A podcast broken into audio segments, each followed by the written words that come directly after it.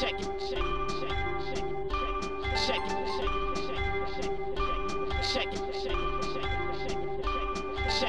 Zapraszamy na jedenasty już odcinek podcastu Codrive.pl, a w nim o Robercie Kubicy i jego wędkarskiej przyszłości. Podsumujemy także ostatni weekend Polaka na torze Nürburgring. Zastanawiamy się, dlaczego Lewis Hamilton wciąż nie podpisał nowej umowy z Mercedesem. Zajmiemy się także modą. Charles Leclerc również chce iść w ślady sześciokrotnego mistrza świata. Pomówimy także o wrażliwej stronie Lensa Strolla, który z pozoru taki wrażliwy wcale nie jest.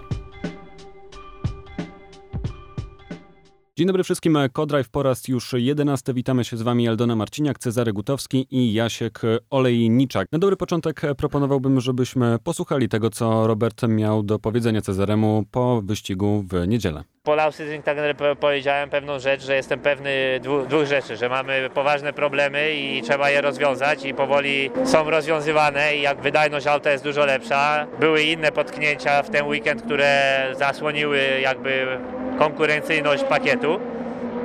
I drugą rzecz, którą powiedziałem, to taką, że z jednej strony jest to trudny okres, z drugiej strony jestem przekonany, że jeśli auto będzie działało tak jak należy, to nie widzę problemu, czemu nie miałbym walczyć z innymi kierowcami i myślę, że niestety przez parę okrążeń dzisiaj też w ubiegłym tygodniu e, to pokazałem. Fakt jest taki, że straciliśmy sporo punktów e, przez ostatnie 2-3 weekendy na pit stopach, czy też na potknięciach i, i najprawdopodobniej dzisiaj też e, jakieś punkty by wpadły, mimo to, że po raz kolejny no, ta 5-sekundowa jakby kara nie powinna się wydarzyć. Nie wiem, czy pamiętasz, kiedy ostatnio walczyłeś w takim miejscu stawki na takim poziomie, bo to była naprawdę mega fajna walka, nie? To po prostu jak równy z równym. No była, no i co z tego?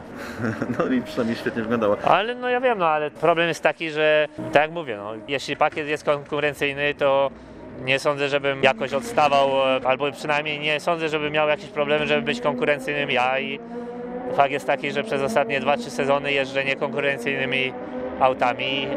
Widocznie dlatego niektórym ludziom albo i tobie też się zapomniało, co mogę zrobić. Mi się nie zapomniało. No. Ostatnie e, No wczoraj... nie, jak nie? Jak mi powiedziałeś, że muszę się nauczyć wa- walczyć koło w koło. Nie, pytałem cię o to, czy to nie jest No tak, nie że, wiem, czy że... wydałeś, bo, bo dałeś do zrozumienia, że to muszę poprawić. No to. E, uczę się na błędach, mogę ci powiedzieć. To ci powiem, że bardzo szybko, nie? Ostatnie, e, wczoraj e, powiedzieli, e, w sensie po- powstał plan na uratowanie DTM-ów, czyli mają być auta GT, zespoły prywatne. E, czy to jest coś, co, co możecie zainteresować? Nie wiem. Nie mówię tak, nie mówię nie, chociaż e, fakt jest taki, że ofert e, ścigania się w zespołach fabrycznych GT3 miałem sporo, czy też więcej niż parę w dawnych latach i, i też nawet ostatnio. I jak widać nigdy nie zasiadłem za kierownicą auta GT3, to chyba tym bardziej nie zasiądę w prywatnym zespole. Mnie interesowało ściganie się DTM-em, ponieważ auta są, e, wydają mi się bardzo fajne i konkurencyjne i nie są to auta GT. I mi się bardziej kojarzy, jeśli miałbym startować autami GT, to sądzę, że będą to E, Znaczy inaczej, wią, wiąże je je bardziej z e, wyścigami długodystansowymi niż, niż ze sprintami.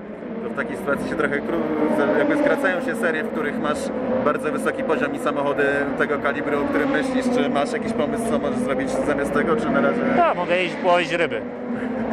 Może tam będę bardziej konkurencyjny. Albo pojeździć na rowerze. No nie, na rowerze jestem za słaby. Tam mogę zacząć może karierę wędkarską, nie wiem, na stare lata. I jak Cezary, usłyszeć takie słowa od kogoś takiego jak Robert Kubica, to chyba tak lekko nie spływa po tobie.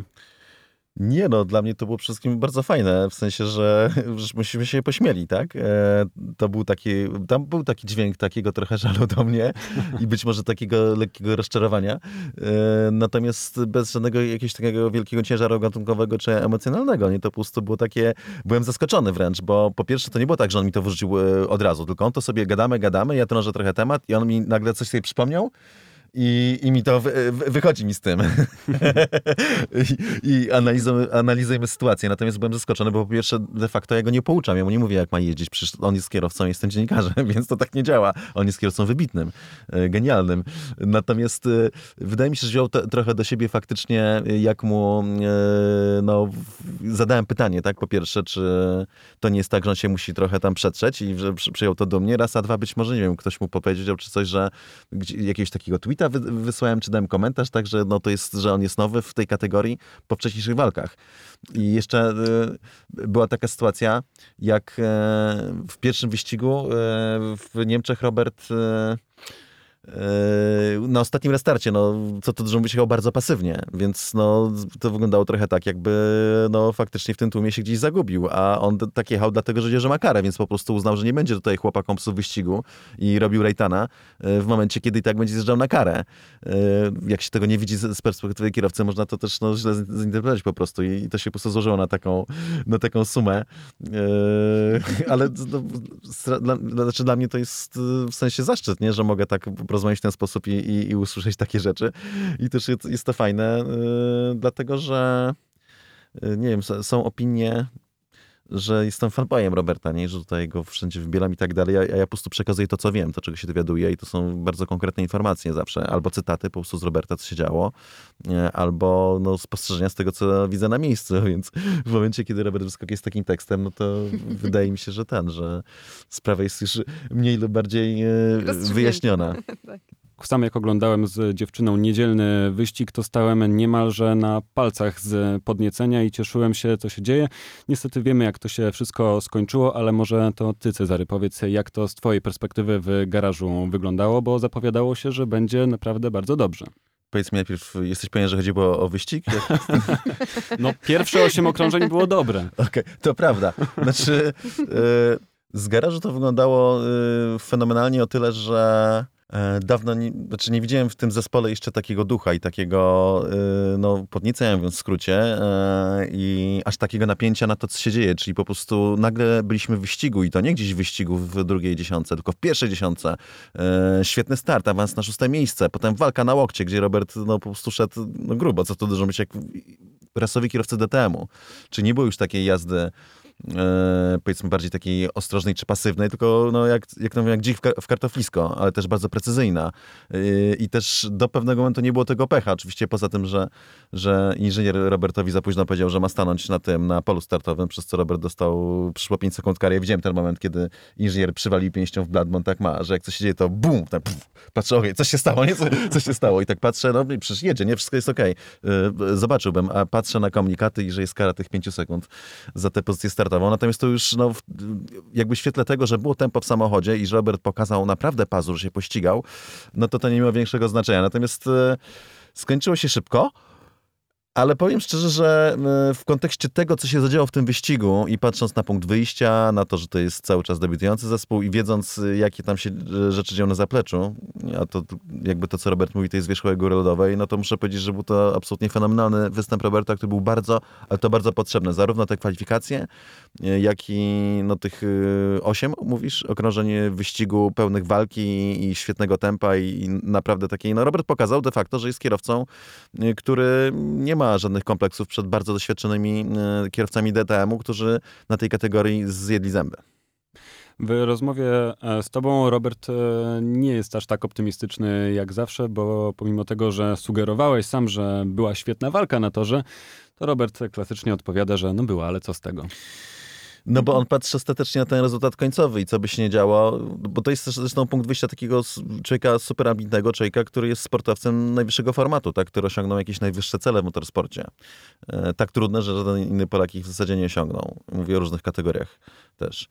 E, tak więc on nie może być zadowolony z tego. E, natomiast no, z punktu widzenia widza, że tak wejdę w tautologię, widzi widz, y, iż y, była akcja na torze, tak, iż się po prostu zadziało. To jest coś, na co naprawdę wszyscy czekaliśmy, więc przypuszczam, że z punktu widzenia przeciętnego fana Roberta Kubicy tych osiem okrążeń było wartych obejrzenia, nawet jeżeli się tak wcześnie skończyły, tylko dlatego, że po prostu zobaczyliśmy, jak Robert się ściga w pierwszej powie stawki i robi to fenomenalnie, tak jak go zapamiętaliśmy no, z tych dawnych czasów. Ja naprawdę dawno bardzo nie widziałem Roberta, który by w wyścigu był na takiej pozycji, żeby takie rzeczy na torze wyprawiać. Wiecie, z mojego punktu widzenia to jest tak, że w końcu e, ten weekend, a w szczególności ta niedziela do pewnego momentu wyglądała tak, jak to powinno wyglądać od pierwszego weekendu w SPA. Mhm. Jadąc do SPA na inaugurację, ja się nastawiałam, że zobaczę właśnie to, co no, niestety teraz widzę dopiero w drugiej części sezonu. A więc Roberta walczącego w kwalifikacjach nie na pierwszym, na drugim miejscu, nie, bo to się nie miało prawa wydarzyć tak czy inaczej, ale właśnie gdzieś tam na siódmym. Roberta, który bardzo dobrze startuje, bardzo dobrze ustawia się na torze, jest w tej walce, awansuje tam.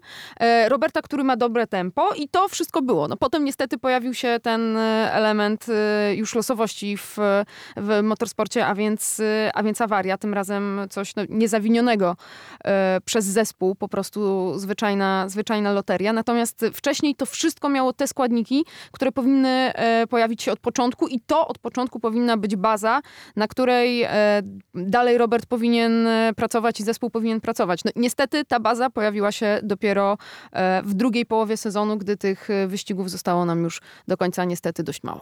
Sam Robert jak mantrę powtarza, że jest przekonany, że jeżeli auto będzie działało tak jak należy, to nie widzi problemu, dlaczego nie miałby walczyć z innymi kierowcami, co pokazał w niedzielę na torze bez wątpienia, ale cały czas są problemy, które e, nie odchodzą z garażu Artu i nie mowa tutaj już o samych jakichś organizacyjnych, chociaż to też, bo sam Robert mówi, że ta kara 5-sekundowa nie powinna mieć e, miejsca i że nie jest zadowolony z tego, że się pojawiła, no ale z pitstopami też cały czas e, ta walka e, trwa, więc część problemów jest już za nami, ale co dalej? Jak to wszystko powinno się rozwijać? Nad czym zespół jeszcze musi pracować definitywnie? No mają milion rzeczy do roboty, mówiąc szczerze, nad samochodem. Najpierw nie pokażą powtarzalność, że potrafią auto przygotować przynajmniej na takie minimum, e, tak jak ostatnio regularnie, bo to nie było regularne. Robert mówił tak, że od początku weekendu to auto powinno jeździć tak, jak jeździło, ale znowu zostały popełnione błędy operacyjne.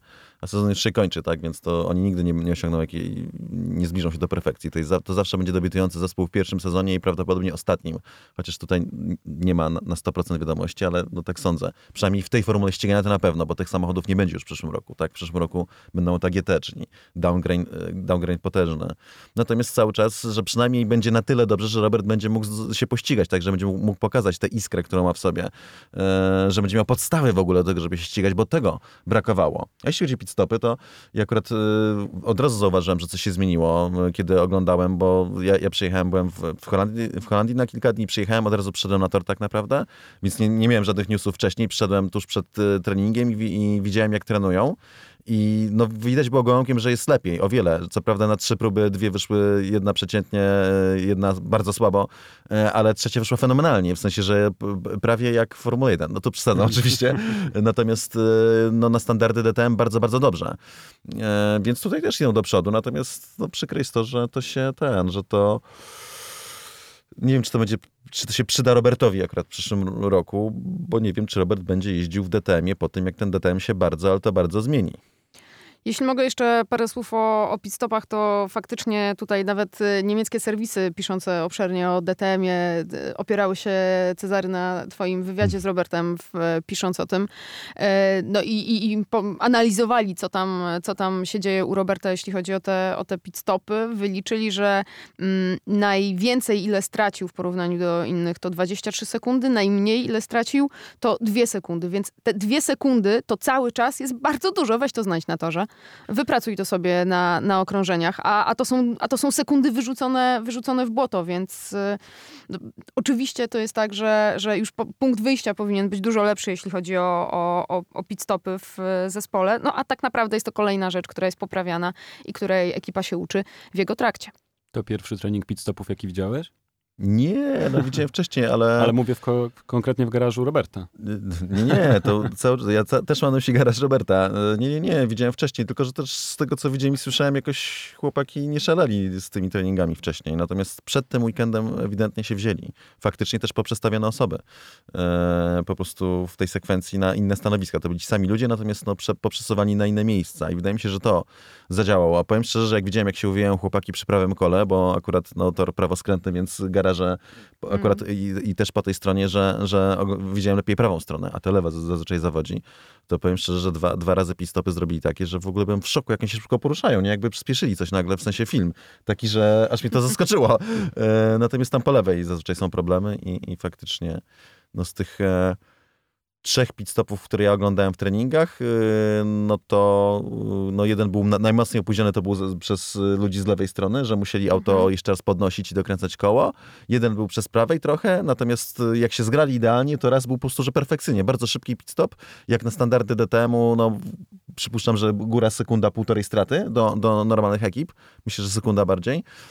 I ruchy przede wszystkim, to jak się uwijali. No widać było, że ten, że nie już jak muchy w smole, czy nie, nie nie jak ci sąsiedzi, e, słynni czescy, tylko, tylko po prostu jak team, który potrafi i ćwiczy zmianę kół. Pytanie myślę dla wielu z nas najważniejsze, gdy Robert został zapytany o to, czy chciałby zostać w Formule 1, mówi tak, zobaczymy co będzie możliwe, nie ma co gdybać. Ja muszę po prostu zareagować odnośnie możliwości, jakie będzie miał, tego co będzie możliwe.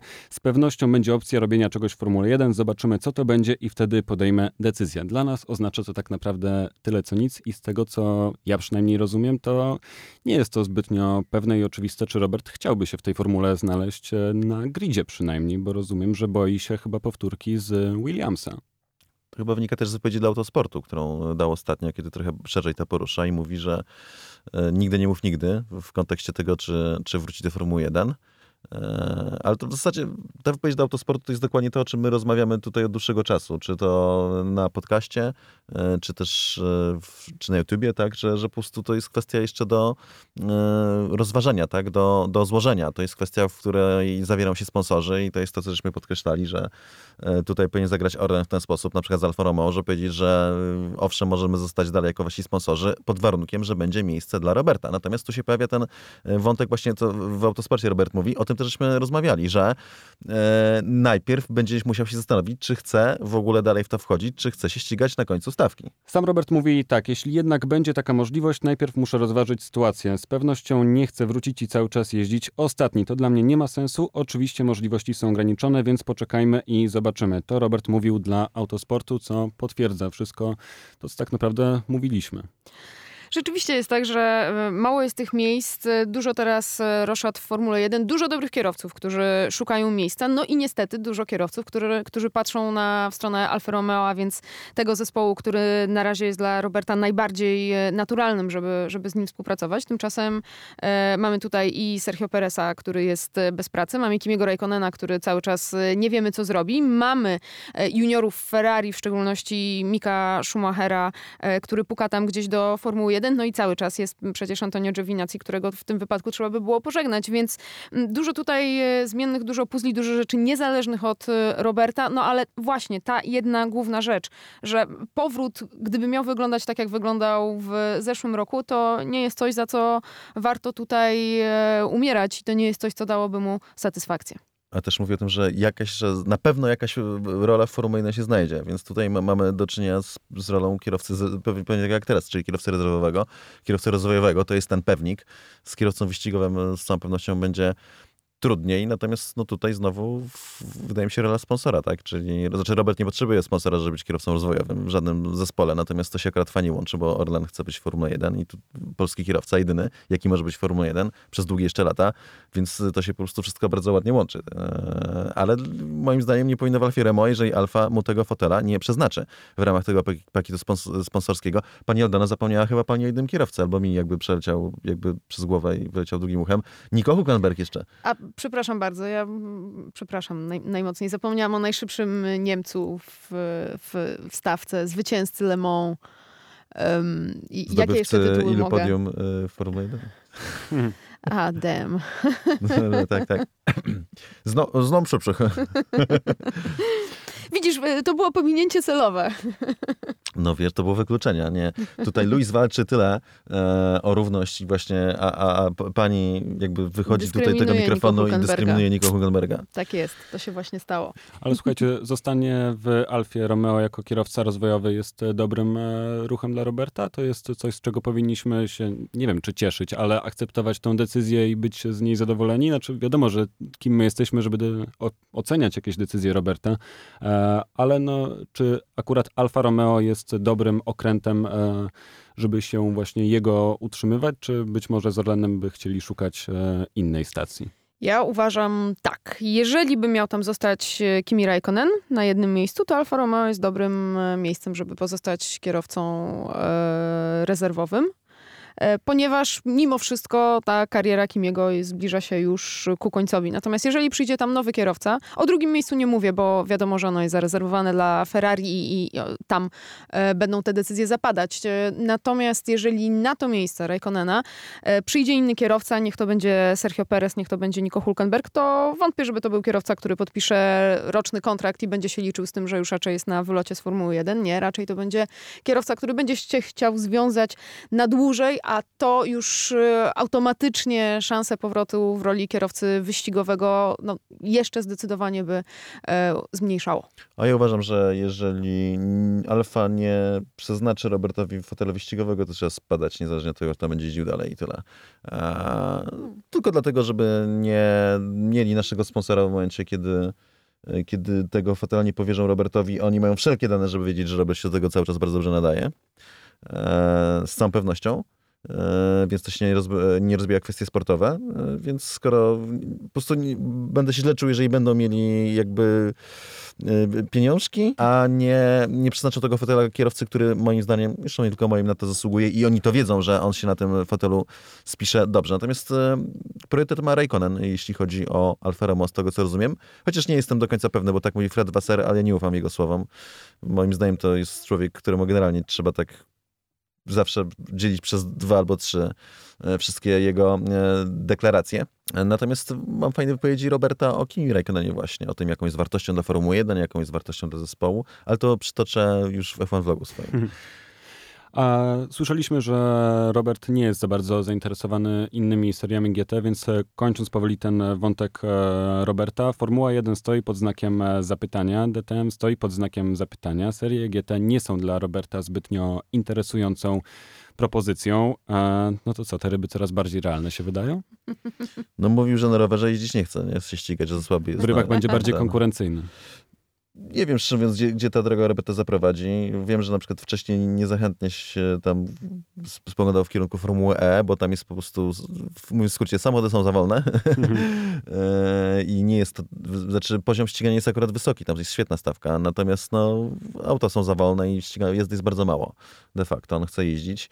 No ale nie, może mu się zmieni, bo to jest jednak bardzo fajna opcja, szczególnie na taką wczesną emeryturę sportową, bardzo dobra opcja e, Formuła E. E, nie wiem, może wyścigi długodystansowe, na przykład WEC, tam się teraz dużo dzieje, będą nowe generacje samochodów, e, bardzo interesujące, więc i to jest akurat e, cały czas, no, tam są z, zaangażowani mm, producenci, co jest bardzo ważne i będą się angażować. Peugeot po, pokazał ostatnio swoje nowe auto, które będzie, które będzie tam jeździło. Alpine ma wejść też do WECA. E, z Rebellionem w przyszłym roku, z samochodem Rebelliona, e, a potem znowu zmienić kategorię. Więc e, wydaje mi się, że no z, z tych takich opcji wyścigów, które mają bazę w Europie, są na bardzo wysokim poziomie, że są bardzo szybkie samochody i, i no generalnie tak, że to jakoś wygląda profesjonalnie, no to, no to łak jest taką ostatnią. O. Ja stawiam weto. Tak? Tak, tak, tak. Już jest taka jedna, już jest jedna taka seria, która jeździ tylko na oszczędzanie i dojechanie. Już dziękuję. Formuła 1, tak? Nie, oni właśnie paradoks polega na tym, że w WEC-u się znacznie bardziej, że w pewnym momencie w WEC-u, mimo tego, że to jest długi dystans, to oni mocniej napierali niż Formuła 1. Wiesz dlaczego? No. Bo mają na czym? Mają opony. Michelena. Mm. No szczerze, i po prostu to, co mówili i Alonso, trochę mniej, no bo tam nie politycznie, ale Hulkenberg i bardziej mówili za mhm. kulisami, to to, że w ogóle szok, że nagle weszli do kategorii, w której mają opony, na których da się ścigać. Tak więc to jest yy, lepiej niż Formuła 1. Ja się zastanawiam, czy Robert by nie zdominował całkowicie rallycrossu, czy człowiek z takim doświadczeniem drogowo... Bardzo ciekawe, bardzo ciekawy kierunek też moim zdaniem, taki rallycross i taki, bo ma element ścigania, troszeczkę rajdowania, ma duży element fanu, tylko to jest z kolei taki... Yy, mało prestiżowy kierunek. Znaczy mało prestiżowy. Nawet na papierze to może tak, ale no ja miałem szczęście, że byłem na rundzie World Rallycross i tak bardzo jak było bardzo fajnie w ogóle, super, no to jednak to jest taki bardziej sport, powiedzmy, to nie jest e, big Wielka motor seria. sport, tak, mm -hmm. tylko to jest bardziej, powiedzmy, e, tak jak po przejściu z Formuły 1 do WRC, który jest fenomenalny, to jednak dało się bardzo, jakby rzucało się w oczy bardzo, że, że pod względem tego splendoru, powiedzmy, nie mówię tutaj o kawiorze i, i najmodniejszych ciuchach, tylko już o samej organizacji i samym działaniu środowiska, no to jednak to jest taki bardziej, powiedzmy, sport e, taki bliższy koszula ciału, tak to nazwijmy, to mm -hmm. tym bardziej rallycross jeszcze idzie w tym kierunku.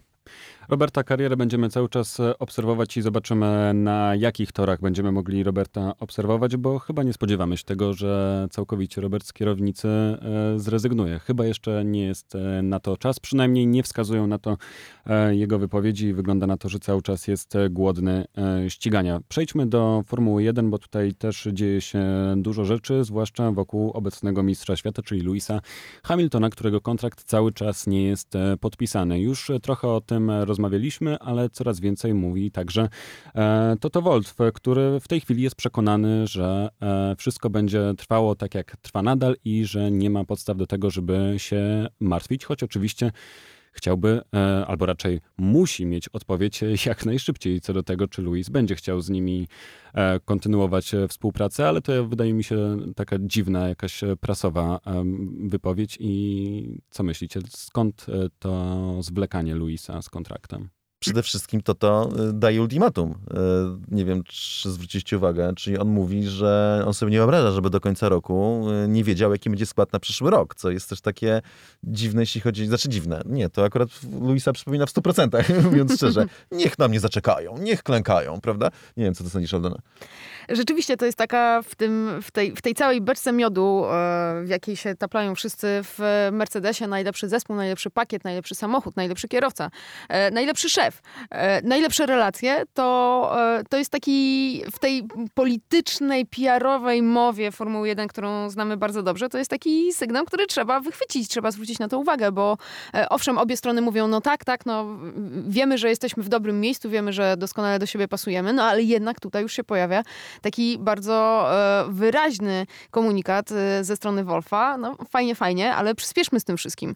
E, I z jednej strony on, on to tłumaczy, mówi, że, że nie mieli czasu po prostu, że jest taka, taka kumulacja wyścigów, że, że nie usiedli do tego i że to będzie bardzo proste, bo po prostu sobie spojrzą w kontrakt sprzed trzech lat i zobaczą, co będą chcieli w nim poprawić. No ale jednak, jeżeli to jest takie oczywiste, jeżeli to jest faktycznie taki jedyny kierunek, no to dlaczego tego jeszcze nie zrobili? No się zastanawiam właśnie, o co może wychodzić Luisowi, e, nie wiem, może jestem małostkowy, ale wydaje mi się, że finanse, że w czasach tych ciężkich Luis nie za bardzo będzie chciał odpuścić, e, a wręcz przeciwnie, że będzie chciał pójść jeszcze wyżej, mimo jego pięknych słów, które padły chyba parę miesięcy temu, że tutaj ten, że, że trzeba jakby zacisnąć pasa, to, to, to uważam, że to Luis jakby słynie z tego, że często mówi rzeczy, które nie do końca jakby mają odzwierciedlenie i to wychodzi, nie? Mówię o tych rzeczach, nie mówię o tych rzeczach, które wiadomo, że nie są tak, tylko o tych rzeczach, które, e, które wychodzą. Natomiast stałem się, nie wiem, może na przykład zażądał, żeby, nie wiem, żeby w przyszłym roku nie tylko bolidy były pomalowane na czarno i kombinezony na czarno, tylko żeby na przykład, nie wiem, cały personel był,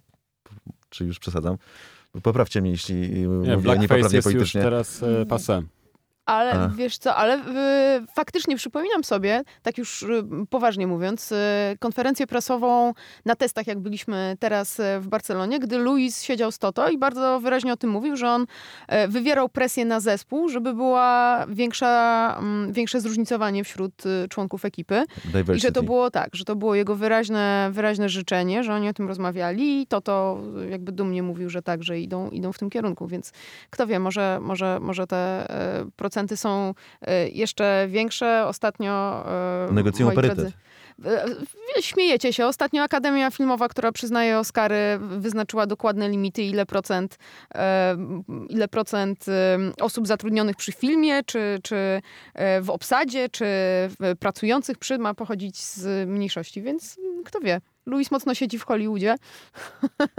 może, może wziął to za inspirację. Nie, no tak y, zupełnie, y, zupełnie poważnie mówiąc, słuchaj, a może mu chodzi o Toto Wolfa i o to, czy to Mercedes cały czas będzie tą samą ekipą. Aha. Um, tu myślę, bardzo w dobrym kierunku idziesz bo on y, nie jest człowiekiem, który sobie umniejszy. On nie jest człowiekiem, który pójdzie gdzie indziej. On hmm. zostanie pod warunkiem, że e, będzie miał gwarancję, że cały czas Um, to będzie ta sama piaskownica? Tak, dokładnie. Oho. Czyli co, przyszły rok mógłby się okazać inny od, e, od pozostałych sześciu lat i nie będzie aż tak e, wygodnie w tej piaskownicy? Nie wiem, przyszły rok nie, ale pytanie co dalej? Pytanie, co tak, postanowi... na ile się zaangażować. Tak. Mhm. Co Więc... zrobi to, to, to mhm. Aldona w dobrym kierunku idzie. To, to nie wie do końca. Ostatnio mówił, żeby rozdzielić jego rolę, że on ma pod sobą 2000 ludzi, 1000 ludzi od silników, 1000 ludzi od zespołu, że może by to rozdzielić. E, no tam cały czas jest dużo takiej niestałości. Plus jeszcze nie wiem, zastanawiam się, Lois mówi, że ma głód, że chce jeździć jeszcze przez tam minimum 3, 3 lata.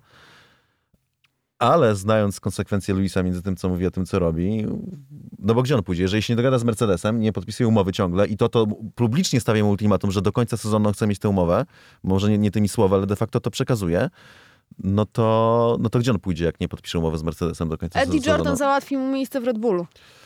tak, tak. Jeżeli Luis pójdzie do Red Bulla i będzie starał przy Maxie, nie chcę dawać żadnych deklaracji, znowu nie schodzić na łyso, ale e, generalnie powiem tak, będę bardzo zdziwiony. Z jednej strony Toto Wolf e, stawia e, Luisowi ultimatum, ale z drugiej strony podkreśla i mówi, że całkowicie akceptują sposób jego życia, jego podróże i to, że jest całkowicie innym kierowcą i oni to bardzo respektują, czyli że co z jednej strony jest e, złym tatusiem i mówi, że oj, Luis, już tutaj trzeba jednak zacisnąć pasa i podpisać umowę, ale z drugiej cały czas ta narracja jest taka e, pół na pół i się uśmiecha gdzieś i puszcza oczko do Luisa. No bo tak trzeba grać z Luisem, e, mówiąc szczerze. I wydaje mi się, że nie tylko oficjalnie, ale także i nieoficjalnie za kulisami. E, no bo jest, no, no tak, jest wyjątkowy, jest inny. Co prawda mówi o równości, żeby wszyscy byli tacy sami, po czym wychodzi zawsze w innej koszulce niż wszyscy pozostali, natomiast de facto faktycznie jest, jest no, wyjątkowym przypadkiem. No po pierwsze wybitym kierowcą, aczkolwiek tutaj akurat jest jeszcze kilku Formuły 1, którzy mogliby spokojnie z nim powalczyć, gdyby niczym. No i też personą, tak, charakterem, z całą pewnością. E, nie chodzi tylko o weganizm. przepraszam, znowu jestem niepolityczny, przepraszam. E, nie mam nic przeciwko weganizmowi. Sam próbowałem być nawet wegetarianinem przez trzy miesiące mi wyszło. Dobrze, że wywołałeś temat sposobu życia, który akceptują wszyscy, bo sam Charles Leclerc też się gdzieś zaczyna inspirować tym, e, co robi Louis i e, jak myślicie, ta sekcja modowa z życia Luisa to wpasowuje się w kierowcę wyścigowego Formuły 1, czy to jest coś, co, co nie jest odpowiednie? Że, że oglądałeś tę e, Insta story Kimiego Raikkonena, który e, wrzucił e, zdjęcie, jak to ewolucja kierowcy Formuły 1. Po tak, jednej stronie tak, tak. James Hunt półgoły z, z papierosem i, i generalnie tak, a po drugiej z stronie... Z kobietami, tak, z modelką. A, a, a, po drugiej stronie Lewis Hamilton w takim różowym wdzianku, jeszcze króciutkich spodenkach, na wysokie białe skarpetki na hulajnodze i Kimi to wrzucił i podpisał ewolucję kierowcy Formuły Kimi 1. to wrzucił? Naprawdę? Tak. Bo to była jakaś dyskusja na ten temat. To wdzianko to akurat pamiętam, bo ten, bo ono przypomina mi kreację Zulandera. Zresztą w Zulander 2 występował Lewis nie widziałem tego Zolandera, mimo tego, że pierwszy mi się bardzo podobał. Lubię głupie komedię, lubię Bena Stillera. E, I nie widziałem drugiego. Natomiast no właśnie jak w Zolanderze w pierwszym, jak się nabijali z tych różnych takich modowych wyskoków, to mniej więcej to było takie wdzianko, jak Louis wziął to na serię. Natomiast to jest jego styl, to jest jego życie i akurat powiem szczerze, tak jak patrzę na te kolekcje e, z Hilfingera, którego ja akurat lubię, że tak zrobimy krypciochę, to e, no ja, i czasami tam jestem w sklepie, to ja bym w życiu nic z, te, z tych rzeczy nie założył, co nie znaczy, że, bo niektóre są fajne, no, tylko postujesz nie ta kategoria wiekowa. Natomiast Charles, no to on ma taki on sobie uważa, element. żeby założył. Jemu się e, podoba. Wydaje mi się, że w momencie, kiedy jesteś związany e, kontraktem z Ferrari na najbliższe jeszcze 4 lata, to faktycznie warto się zainteresować jakimiś rzeczami, które będą w stanie rozładować napięcie, jakoś odciągnąć umysł od problemów dnia codziennego. E, I moda, tak, jest kreatywne zajęcie tutaj będzie absolutnie dobrym kierunkiem. Sam Charles e, mówi e, tak, rozmawiałem z Luisem, e, gratulowałem mu jego nowego kolekcji i uważam, że robi bardzo dobrą e, robotę, a oprócz tego podkreśla, że ten kreatywny element w nim jest i to go bardzo inspiruje i bardzo żałuje tego, że we wczesnych latach, gdy się zaczynał dopiero ścigać w seriach juniorskich, nie prowadził życia w ten sposób, że miał jakąś odskocznię e, od, e, od wyścigów. Czy kierowcy faktycznie tego potrzebują, żeby żyć nie tylko wyścigami, czy to już sprawia, że są, e, nie są aż tak mocno zdeterminowani, być może aż tak sfokusowani na, na sporcie? Robert w wypowiedziach mówi, że on nie ma czasu, że on nie pamięta, kiedy w domu był, -hmm. że jest mhm. na dwóch mistrzostwach jednocześnie, jest kierowcą na dwa etaty tak naprawdę. A tutaj z kolei Leclerc nam mówi, że on potrzebuje takiej odskoczni, on potrzebuje porysować, on potrzebuje posłuchać muzyki mm. i być może pokomponować. Każdy ma tu inaczej, dla każdego działa co innego. Jedni chcą żyć tym cały czas i e, tak naprawdę jak e, skończą wyścig, to sobie pójdą gdzieś do domu i odpalą jakiś e, iRacing E, i, albo będą śledzić inne serie. Natomiast, a niektórzy potrzebują kompletnej odcinki, tak jak e, na przykład właśnie Louis, który potrafił między wyścigami e, pojechać sobie gdzieś na wakacje. Pamiętacie na przykład ten kontrowersyjny rok, kiedy pojechał przed Grand Prix Wielkiej Brytanii, wyjechał sobie na wakacje, a wtedy odbywał się taki wielki festiwal w Wielkiej Brytanii Formuły 1 i było na nim 19 kierowców. Nie było Brytyjczyka, tego najważniejszego, Louisa Hamiltona. Natomiast potem e, przyjechał i, i, wygrał wyścig, więc ostatecznie dla niego to działa. Każdy ma tutaj swój styl. E, no nie wiem, dla mnie fajnie, że Charles znajduje sobie coś innego poza Formułą 1. Tak jak mówi Cezary, dobrze to spuentowałeś. Może mu się to przydać w najbliższym czasie. tak długo jak robi wynik, to, to absolutnie jest to usprawiedliwione. Natomiast no właśnie, tak długo jak robi wynik, bo tutaj to, to często wyskakuje z tekstami, że, e, że to dobrze, że ma własne życie, że to sprawia, że jest jeszcze mocniejszy e, i mówi tego typu rzeczy, które są, co to dużo mówić, niezgodne z prawdą. Sam Lewis Hamilton przegrał ty, tytuł Mistrzostwo Świata na własne życzenie z Nico Rosbergiem dokładnie przez to, że nie skupiał się na ściganiu. I w momencie, kiedy się zaczął skupiać na ściganiu, Rosberg nie miał z nim szans, tylko że akurat wtedy walnął mu silnik w Malezji, Luisowi i nagle nie miał bezpiecznego zapasu punktowego. Więc ewidentnie to pokazało tylko, że jak prowadził to bogate życie towarzyskie i latał, latał jak to lubię mówić, po Barbados i Srados, e, to dostawał od Rosberga. W momencie, kiedy wziął się w garść i skupił się na robocie, nagle jego wyniki się poprawiły, Rosberg nie miał szans i tylko ta awaria ostatecznie sprawiła, że tytułu nie wygrał, czyli to zawsze ma wpływ. Pytanie, czy możesz sobie na to pozwolić, czy nie. Eee, bardzo chciałbym zobaczyć Louisa Hamiltona jeżdżącego w jednej ekipie z, z Maxem Verstappenem, najlepiej nie Mercedes Mercedesem, gdzie jest już zahaczony, mm. gdzie ma przewagę, tylko w jakiś, na, nagle idą obaj, nie wiem, do Ferrari tem nie życzę, może nie na tym etapie, ale nie, McLaren rośnie w siłę, spotykają się w jednym zespole na świeżaka. Bardzo chciałbym zobaczyć Louisa Hamiltona, który sobie lata po e, pokazach mody, e, no, po Barbados i wygrywa z Maxem Verstappenem. To byłoby w ogóle ciekawe starcie Max Verstappen i Lewis Hamilton w jednym e, zespole. Wydaje mi się, że całe podcasty moglibyśmy nagrywać o tym, co dzieje się za zamkniętymi e, drzwiami, ale i e, nie tylko. Słuchajcie, na Instagramie Formuły 1 pojawił się ciekawy wpis zwrócony do społeczności na e, temat tego, żeby fani wypowiedzieli się, który z kierowców do tej pory e, zrobił na nich największe wrażenie. Formuła 1 na Instagramie ma to do tego, że najczęściej wymieniają kierowców, którzy w ostatnim wyścigu zrobili najlepsze e, wrażenie, więc nie były to zbytnio obiektywne podpowiedzi, e, ale faktycznie najczęściej w komentarzach e, były, byli wymieniani trzej kierowcy, Lando Norris, Charles Leclerc i Pierre e, Gasly. Co myślicie o czterech trzech, trzech nominacjach i co, e, kogo wy byście na Instagramie opublikowali jako kierowcę, który zrobił na was największe wrażenie? Walteri Bottas. Co się za śmiejecie? konsekwencje. Co się śmiecie? Za konsekwencje w byciu numerem dwa. E, za co jeszcze? To jest interesujące, nie wychodzę, że jestem złośliwym dupkiem w tym momencie, ale prawda jest taka, że kto, kto poda Walteriego Bottasa? Tak szczerze mówię. E, no dobra, ale teraz może już na poważnie. Norris, Gasly czy i Leclerc. Takie były trzy typy od e, Gasly. Dla mnie, z tych trzech dla mnie Gasly. Mm, Aleksander no. Albon. O, kolejny taki botasowy typ. Czy nie? Czy znowu e, ten... Znowu nie trafiasz, znowu pudło. Kula w płot. No nie, ale jakby Pierre Gasly to jest faktycznie persona, która w tym roku e, ciśnie mocno? Że to jest, błyszczy. To jest chłop, który... Błyszczy, na, błyszczy w, w słabszym zespole, błyszczy absolutnie na tle, na tle kolegi z ekipy. Błyszczy po trudnej sytuacji, w jakiej się znalazł zawodowo i e, psychicznie. E, po tym, jak stracił miejsce w Red Bullu, wszystko, co mogło pójść e, źle w jego karierze, przekuł na coś dobrego. Więc e, tak jak e, nie lubię chłopa prywatnie i nie jest to, nie jest to mój typ kierowcy Formuły 1, tak e, trzeba mu oddać, że że to, co robi w tym sezonie, to naprawdę, naprawdę się wyróżnia. Robi robotę na torze, też uważam. No, no, mi najbardziej imponuje, e, ale też powiem, nie, może was zaskoczę, ale uważam, że Carlos Sainz naprawdę robi robotę, nie? W sensie, że le, lepiej jeździ niż sobie bym pomyślał, że, że jest w stanie. Może go troszkę nie, nie doceniałem wcześniej. Ma co prawda sporo pecha. Tak, ten jego ale... wynik e, na tle Lando Norrisa nie jest tutaj miarodajny, miarodajny tak. zupełnie, bo, bo, bo Sainz Chodzi Przyjął to, w tym roku sporo. Tak, że Sainz ma 41 punktów, a Lando Norris 65. Mm.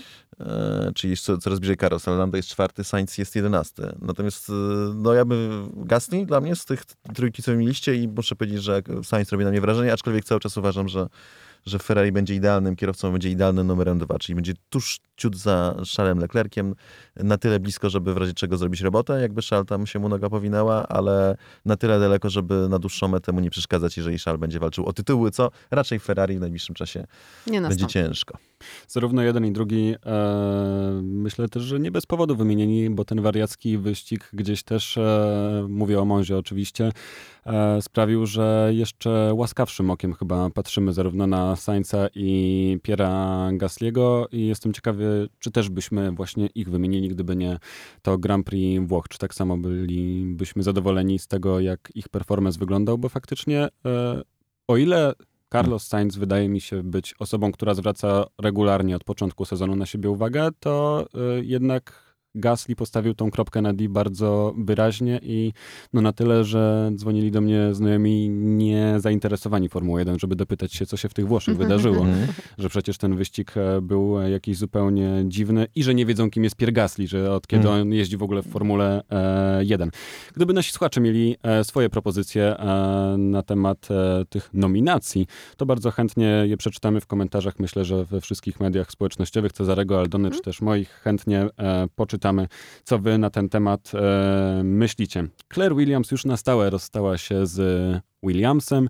Już to pożegnanie mamy za sobą. Cały czas łzy w oczach e, Claire musi e, ocierać, ale sama mówi, e, tak, jest jestem bardzo szczęśliwa z tego, że nowi właściciele wierzą w to, że zespół jest silny i że będą respektowali imię zespołu, bo jeżeli ktoś nie wie, to pod nazwą Williamsa cały czas ścigać się ten zespół będzie. I, i co to te słowa znaczą? Po co jeszcze Claire tak naprawdę tutaj dorzuca e, tych, tych drewienek do, do ognia? Jeszcze będziemy czytać, że Williamsowie się wypowiadają na temat Williamsa przez dłuższy czas?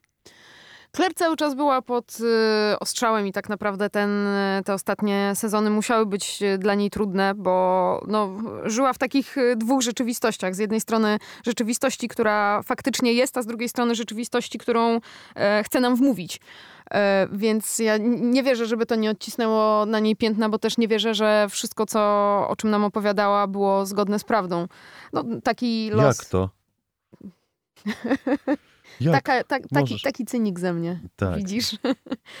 e, więc oczywiście to jest tak, że, że, że z ust wielu ekspertów e, padały mm, trudne słowa w kierunku Claire. I tak naprawdę, gdy ona teraz mówi o tym, że zostali fantastycznie pożegnani, że ona myślała, że mm, usłyszy tylko no to do zobaczenia, cześć. W każdym razie to tak naprawdę pomija w tym jedną rzecz, że te, że te, że te wspaniałe gesty, e, jakieś filmy, podziękowania, one nie były kierowane pod adresem Claire Williams, one były kierowane pod adresem Franka Williamsa, mhm. e, który, mhm. który, który był ostoją tej, tej ekipy i tak naprawdę Claire podziękowała tylko jej kierowcy um, po przekroczeniu linii linii mety, natomiast y, Formuła 1 nie będzie tęsknić za Claire Williams. Formuła 1 tęskni za Frankiem Williamsem, za starym Williamsem. Um, I tyle. Dobrze, że to ta nazwa zostanie faktycznie w nienaruszonym kształcie? Ona musiała zostać, bo nie kupujesz zespołu Formuły 1, który nazywa się Williams i jest w Formule 1 od lat 70. po to, żeby zmienić nazwę. E, to jest bez sensu. Jakby częścią, częścią tego interesu, e, która sprawia, że to się e, może opłacić, jest to, że kupujesz Williamsa, a nie wymyślcie jakąś głupią nazwę. Co nie hasa. no tak. No. O rany. No ale, no tak, no tak. Ta, tak to działa. No Skler, jedne słowa takie mi się rzuciły w oczy, w uszy i w głowę. I mówię teraz już bez cienia ironii. To jest to, jak mówiła, że ona zawsze była Claire Williams córką Franka Williamsa, że teraz ma szansę, żeby być matką i żoną. Mhm kochanką, jeszcze były Matki Żony Kochanki, był taki serial. Nie, o kochance nic nie mówiła akurat. Mówiła, przepraszam, bo to teraz jakbym plamił dobre imię e, brytyjskiej matrony. To wchodzi nie, nie, nie. w żonę, wiesz? E, jakby w ten obszar. A, patrz, ja zawsze oddzielałem, ale to dobrze. E, nigdy nie miałem żony, z drugiej strony muszę powiedzieć. W każdym razie te wypowiedzi o tym, że no, fa faktycznie to jest dziewczyna, która się wychowała w zespole wyścigowym, e, w tej kulturze wyścigowej. Ona była w pewnym sensie skazana na to, żeby, żeby siedzieć w tym zespole. Fakt jest taki, że chyba sama się rwała do szefowania, jak to wyszło, wszyscy wiemy. E, natomiast e, no, ciekaw jestem, gdzie to i drugie życie, ale, ale tak jak już powiedziałem na F1 vlogu, to ja uważam, że ona wróci do Formuły 1 i będzie jak ten, jak Stanisław Anioł w Alternatywy 4. Nie wiem, czy w ogóle kojarzycie wy jako młodzież taki serial i takiego bohatera, którego grał świętej pamięci Roman Wilhelmi, wybitny aktor. I w ostatnim odcinku wraca. Cały serial polega na tym, to i Sześkowi wytłumaczę, bo ja się pewnie zberę i słabo, że oni z tym aniołem się męczą, cały gospodarz domu, budynku, udaje się im go ostatecznie ten, w finałowym odcinku zwalczyć, żeby już nie był gospodarzem tego domu, a i tak na koniec się pojawia, wraca jako tam specjalny, już nie wiem, administrator, ktoś tam, ktoś nie pamiętam, jaka to była jego rola i obawiam się, że Claire w Formule 1 jeszcze się pojawi i co więcej, będzie robiła jeszcze więcej. Być może to będzie dobra nauka dla Claire, takie rozstanie z e, Formułą 1. E, nikomu źle nie życzymy, zobaczymy, mhm. e, czy jeszcze Williams zrobi wielki comeback. Jest jedna osoba w Formule 1, która dostaje od nas mocno po głowie i zresztą od całego świata. Jest nim Lance Stroll. E, który e, postanowił e, trochę opowiedzieć o swoich emocjach związanych z Formułą 1 i mówi tak, każdy ma swoją opinię i każdy nie, śmiejemy się, I, tak, wiesz, z, bo... Z emocji Lansa. Z emocji Lansa, nie? Bo to jest chyba naj, ten, najbardziej wyzuty z emocji człowiek, z jakim można rozmawiać w paddoku Formuły 1. Trochę emocjonalność. Teraz, okay. teraz ja e, przejmę pałeczkę tego cynika, bo jak Lans ma trochę, przynajmniej tak no, wizualnie, e, emocjonalność, słuchajcie, do żującej trawę krowy. To jest po prostu cały czas ten sam wyraz twarzy. Nie, I cały nie, czas ta guma nie, do rzucia która, więc jeszcze jakby tak, ta, krowa jest, ta krowa jest tutaj na miejscu i po prostu no, on wygląda cały czas tak samo, bez względu na to, co ci mówi, wygląda jakby no, ja tam nie widzę w nim żadnych emocji. Ja nie wiem, czy on jest zadowolony, czy, czy, coś, czy coś mu nie odpowiada. On mi cały czas odpowie dokładnie te same okrągłe zdania. Idziesz na wywiad z nim i właściwie wiesz już dokładnie, co powie. Ale słuchajcie, to się zgadza Więc... z tym, co sam teraz e, mówi, bo jak sam, e, sam Lance mówi, że zamyka się w swojej małej bańce i blokuje wszystko, co negatywne i głośne wokół do niego dochodzi. No, czyli by się zgadzało, że w tym padoku to po prostu zakłada maskę i rozmawia z rzecznikiem prasowym, a nie z kierowcą. Znaczy, bo tutaj ja mam, jestem bardzo tolerancyjnym człowiekiem w ogóle i uważam, że każdy, prawie każdy ma prawo mieć swoje miejsce na ziemi, tak? Nie mówię o przypadkach skrajnych. Typu... A Lans się do kogo zalicza? Nie, nie, on, on też. Natomiast e, to jest, e, no zrobiłem rzeczywiście wiele wywiadów i chyba najmniej ciekawą osobą, z jaką w życiu rozmawiałem, to był Lance Stroll. E, I ja tutaj absolutnie nie mam do niego pretensji o to, że jest jaki jest jest, kim jest. Jest no, szybkim kierowcą, bardzo dobrze wykształconym, który stawał na podium Formuły 1. Może nie najlepszym z najlepszych, ale ciągle naprawdę bardzo dobrym. Natomiast no, jest też no, trochę zblazowanym synem ojca miliardera, takim moim zdaniem poszkodowanym przez życie. Ja uważam akurat, że yy, no, życie w bańce takiej, że jesteś urodzony, że masz wszystko na tacy podane, to jest tak naprawdę przekleństwo, yy, że tak urodzić się jakby w domu miliardera, który jest jeszcze takim nadopiekuńczym tatusiem czy mamusią, to jest po prostu masakra, w sensie, że masz po prostu puste życie yy, i możesz być super wykształcony, jeździć po całym świecie i mieć wielkie przygody, ale tak naprawdę moim zdaniem, nie, jakby w, jesteś takim jakiejś, nie wiem, malignie urodzaju, nie? I takiego, w takiej pustce, nie? Jak nic sam w życiu nie wywalczysz. Człowiek jest od tego, żeby osiągać cele, żeby walczyć, żeby, żeby coś osiągać, żeby coś robić samemu. Jak się rodzisz, masz wszystko już załatwione, to nie masz jakby szansy, żeby to sobie samemu załatwić. I na szczęście nas ma ten sport i Formuła 1, tak? I, i, i niższe kategorie wyścigowe, w których też tak naprawdę miał dużo rzeczy tak jak no, większość kierowców na jakimś etapie musi zawalczyć, tak on miał wszystko ustawione. Typu, dla mnie ulubiona historia z, z Lansem Strollem to jest taka, jak e, Lance jeździł w Formule 3, e, w której zdobył mistrzostwo, e, natomiast miał poważnego rywala w tej Formule 3.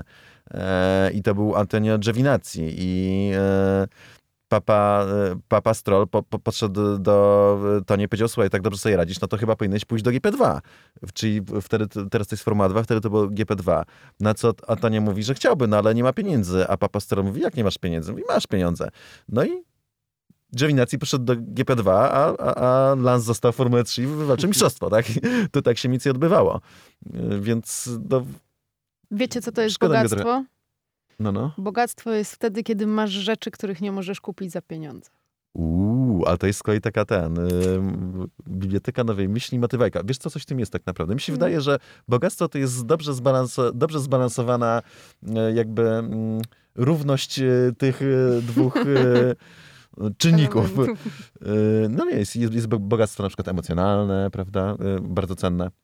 Nie kupisz za Moim pieniądze. zdaniem, tak. I to jest właśnie, e, moim zdaniem, już kończąc wątek e, Lansa, e, no, to, co najbardziej go podsumowuje. To znaczy, samo to, że urodziłeś się w bogatej rodzinie, oczywiście ciąży emocjonalnie, natomiast nie, nie, nie, nie skreśla cię od razu i to widać po, Mhm. innych, po innych kierowcach. Przecież wiesz, no, stawka Formuły 1 to rzadko kiedy, a teraz już szczególnie, są, są dzieciaki z, ze skromnych domów. To są naprawdę wyjątki. No tak, Kimi Räikkönen E. jest na przykład, tak, że oni mieli ten domek z serduszkiem. I pa- Mhm. Też mi się bardzo podobał fragment wywiadu, jak mówił, że to bardzo dobrze, bo przynajmniej rano człowiek się rozbudził, jak szedł za potrzebą. No ale tak, no, no, Charles Leclerc z biednego domu nie jest, nie wiesz, że jest ultra bogaczy, ale nie jest. George Russell też, chociaż tam starali się Absolutnie. tam go...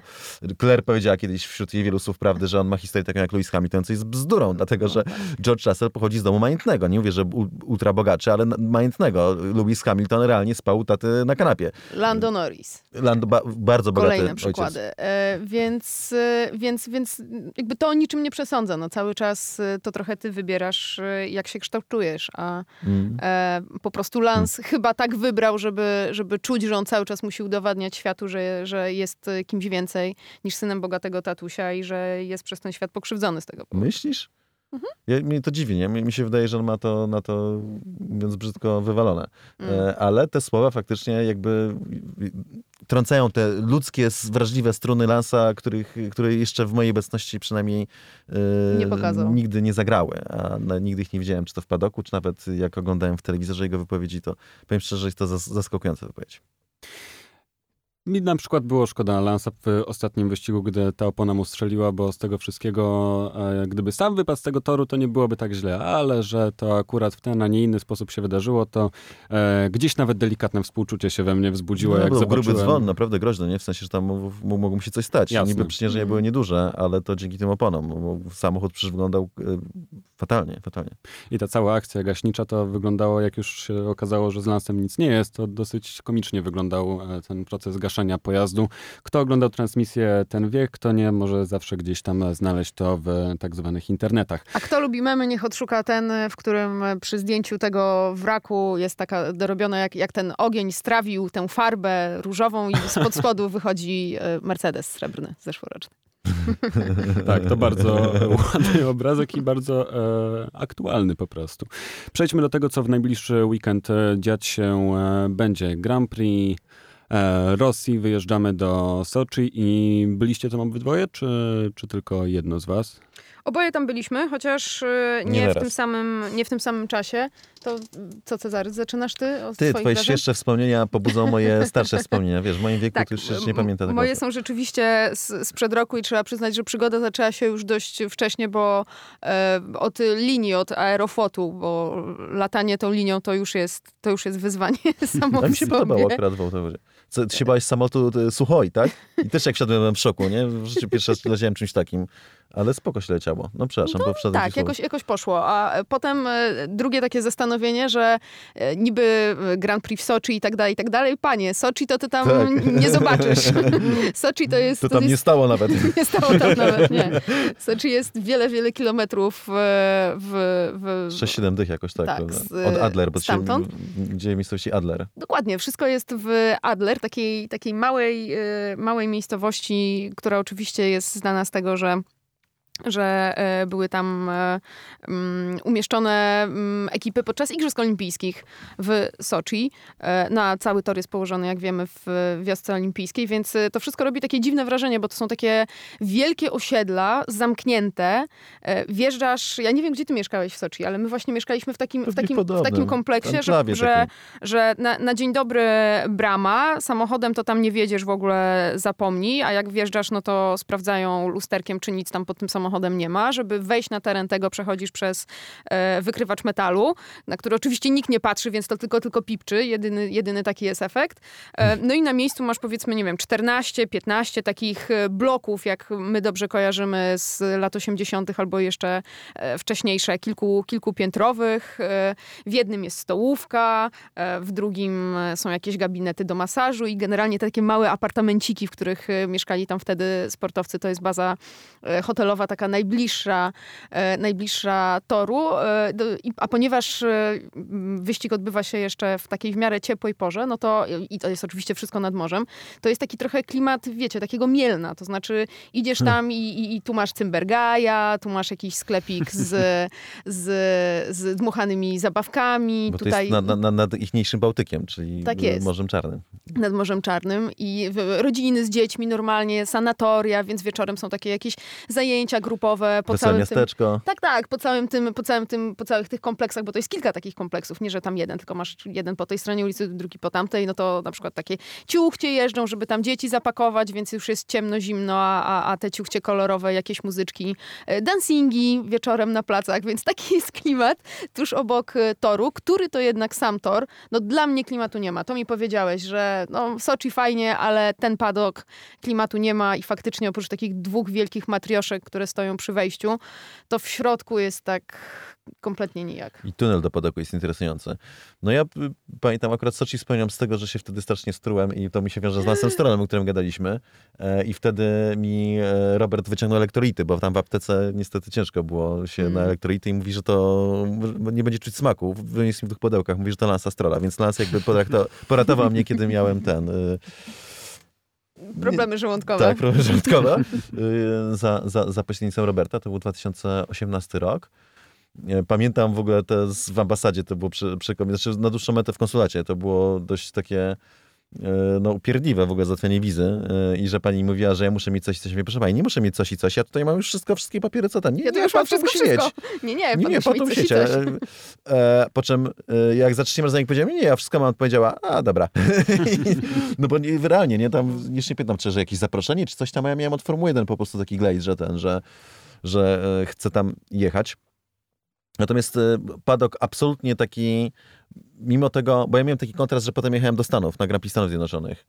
I padok w Stanach Zjednoczonych, w tym Teksasie, to jest takie, szczerze powiem, że no, można by tam równie dobrze zrobić pastwisko obok. I w sensie i tam to, to były budy, że do, do trzymania jako obory zrobić w tych miejscach, gdzie jest ten, gdzie...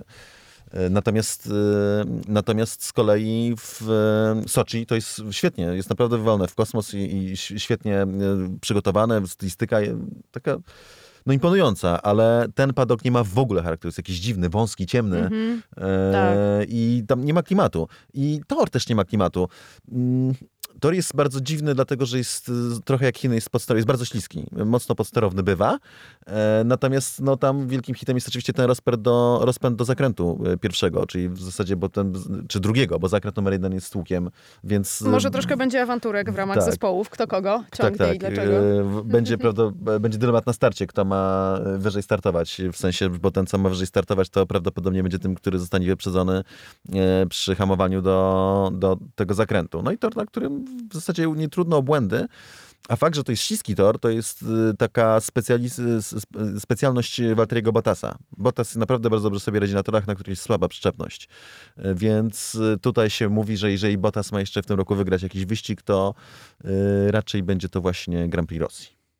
To na koniec mam jeszcze do Was e, dwa krótkie e, pytania. Robert mówił, że pojawi się w Soczi. Czy pojawi się też na torze?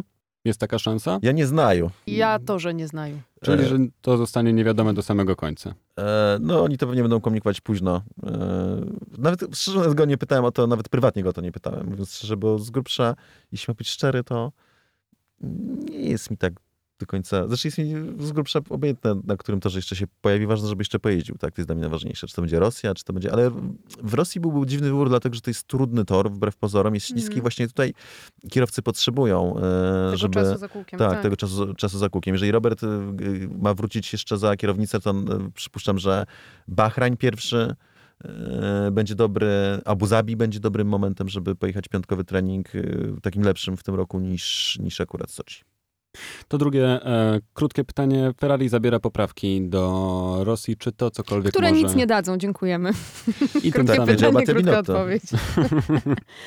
E, tak, Mattia Binotto mówi, że też ich e, problemy, bo wiecie, cały czas e, omijamy tego wielkiego słonia w pokoju, czyli, czyli silnik, więc mhm. problemy dotyczą aerodynamicznej charakterystyki auta, dotyczą zużywania się opon, natomiast te poprawki, które mają, nie rozwiążą tego za Co bardzo. Co najbardziej, tak. Czyli braku mocy silnika w skrócie. Motor nie podaje, jak to mawiają. I tym samym dopływamy do przystani końcowej. Aldona Marciniak, Cezary Gutowski, Jasia Kolejniczak. Dziękujemy Wam bardzo za dzisiaj. Do usłyszenia w przyszłym tygodniu.